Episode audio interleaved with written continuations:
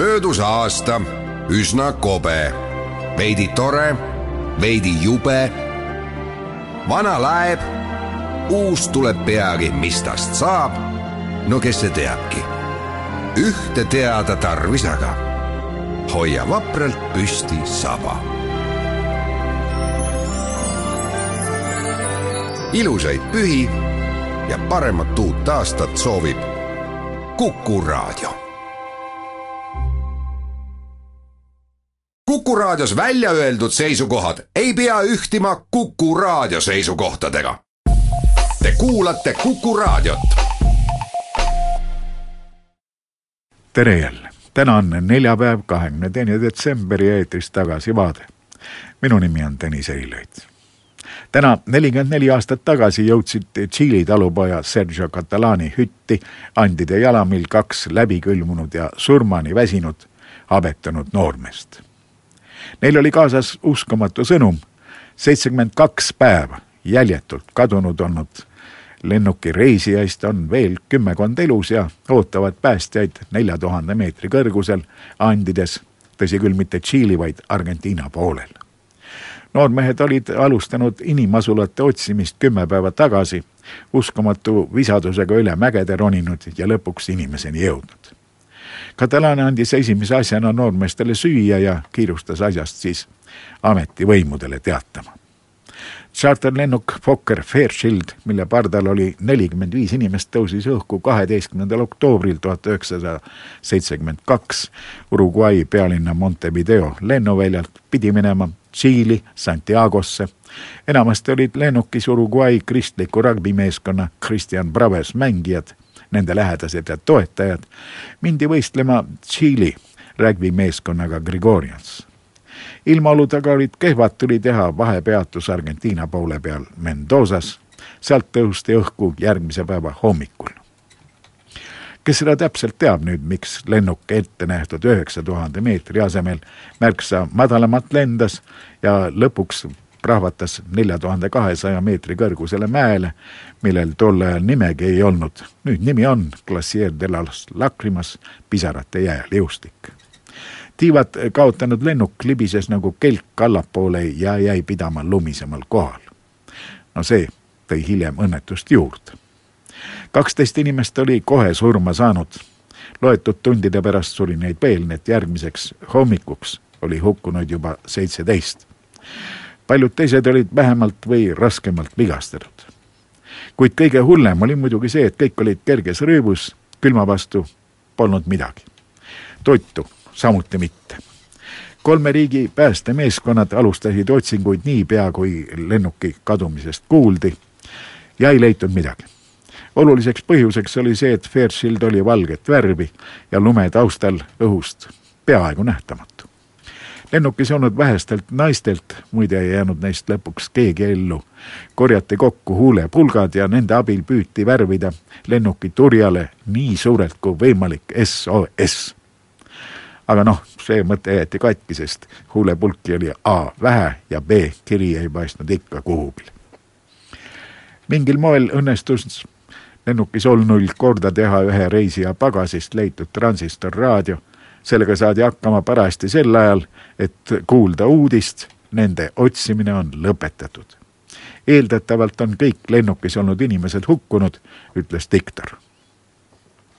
uudist kuulati jõuetus meeleheites, paljud nutsid osa inimesi istus sel ajal lennukis, noh, nad olid vigastatud, ei saanud suurt liikuda. Nemad uudist ei kuulnud. üks rugbimängijatest kuulutas neile sellest täiest kõrist. ma kuulsin just head uudist, meid enam ei otsita.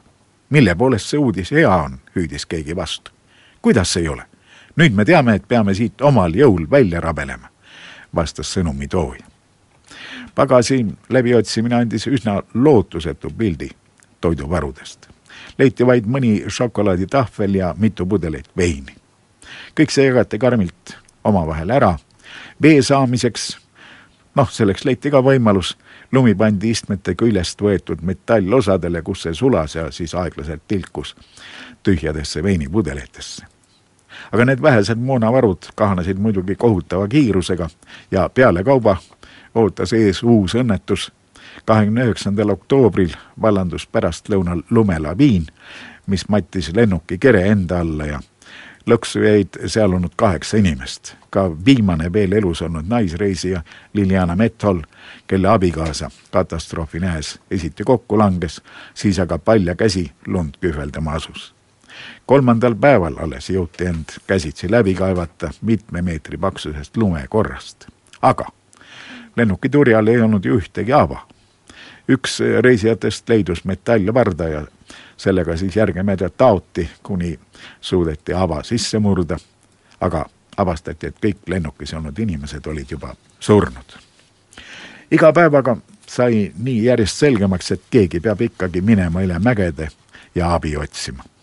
teine piloot oli ellujäänute hulgas, tema hinnangul oldi üsna lähedal Tšiili lauskmaale, et võib-olla see on juba mõne miili kaugusel läänes kerkivate mägede taga, osutas ta. muidugi ei teadnud reisijad, et piloot määras asukoha valesti. lennuk oli eksinud kursist nii tugevasti itta, et oldi keset mäestikku täiesti maha jäetud kohas. no tõsi küll, kahekümne üheksa kilomeetri kaugusel, seda nad ei teadnud, oli hüljatud hotell kõrvuti kuuma veeallikaga. Noh, maja oli varemeis, aga ilmselt oleks pakkunud paremat kaitset külma ja tuule eest kui katkine lennuki kere. aga teiselt poolt oli muidugi hea, et nad liikuma ei hakanud hotellis ju mingit toiduvaru polnud. ilm läks pisut soojemaks, kui lõpuks kolm inimest otsustasid siis minna abi otsima. pärast mõnetunnist teekonda jõudsid nad lennuki sabaosa riismeteni. Need olid üllatavalt tervelt säilinud koos mõne reisija kohvritega, nii et saadi sigarette, magusat kraami ja puhtaid rõivaid. öö veedeti sealsamas lennuki saba juures lõdisedes lageda taeva all ja hommikul sähvatas neil meestel mõte, et võtame kaasa lennuki sabas olevad akud, viime need ülejäänud kereosa juurde ja puhume elu sisse lennuki raadioseadmetele, et ehk saab sedasi ühenduse Santiagoga ja polegi vaja pikka matka üle mägede ette võtta. ellujäänute hulgas oli ka elektroonikahuviline mees, aga tema ei saanud siiski raadiosaatet tööle, nii et tuli minna uuesti too esimene öö lageda taeva all oli teinud selgeks, et vaja on mingit laadi magamiskotti, kuhu kõik saavad sisse pugeda ja üksteist oma kehadega soojendada. õmblemine võttis aega ja lõpuks mindi uuesti teele kaheteistkümnendal detsembril. lõunapoolkeral oli suvi tulekul ja oma rännaku kolmandal päeval jõudsid nad oma teekonna kõrgeima mäe otsa ja kangestusid sest nii kaugele, kui silm ulatus, paistis vaid üks valge mäetipp teise järel, ei mingeid Tšiili rohelisi orge. kolmas mees ütles siis, et tema on surmani väsinud ja läheb lennuki juurde tagasi. kaks kangemat läksid edasi ja jõudsid lõpuks kitsa oruni, kus voolas jõgi.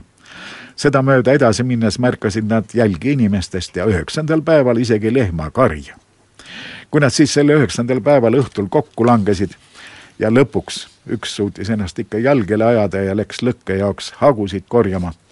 siis märkas ta jõe vastaskaldal kolme ratsanikku.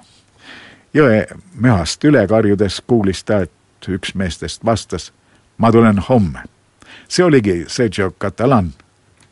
ja mitte ainult nemad ei pääsenud tänu sellele. kahekümne teisel detsembril jõudsid päästekopterid ka liustikule jäänute juurde vaid mõni päev hiljem kirjutas üks Santiago ajaleht, et mehed hoidsid end elus hukkunud kaaslaste liha süües. pääsenud pidid tunnistama, et nii see tõepoolest oli. Ärajäänud rägbivõistluse mängisid nad muide ära sama Tšiili võistkonna veteranidega täpselt nelikümmend aastat hiljem, kahe tuhande kaheteistkümnendal aastal. Kuulmiseni!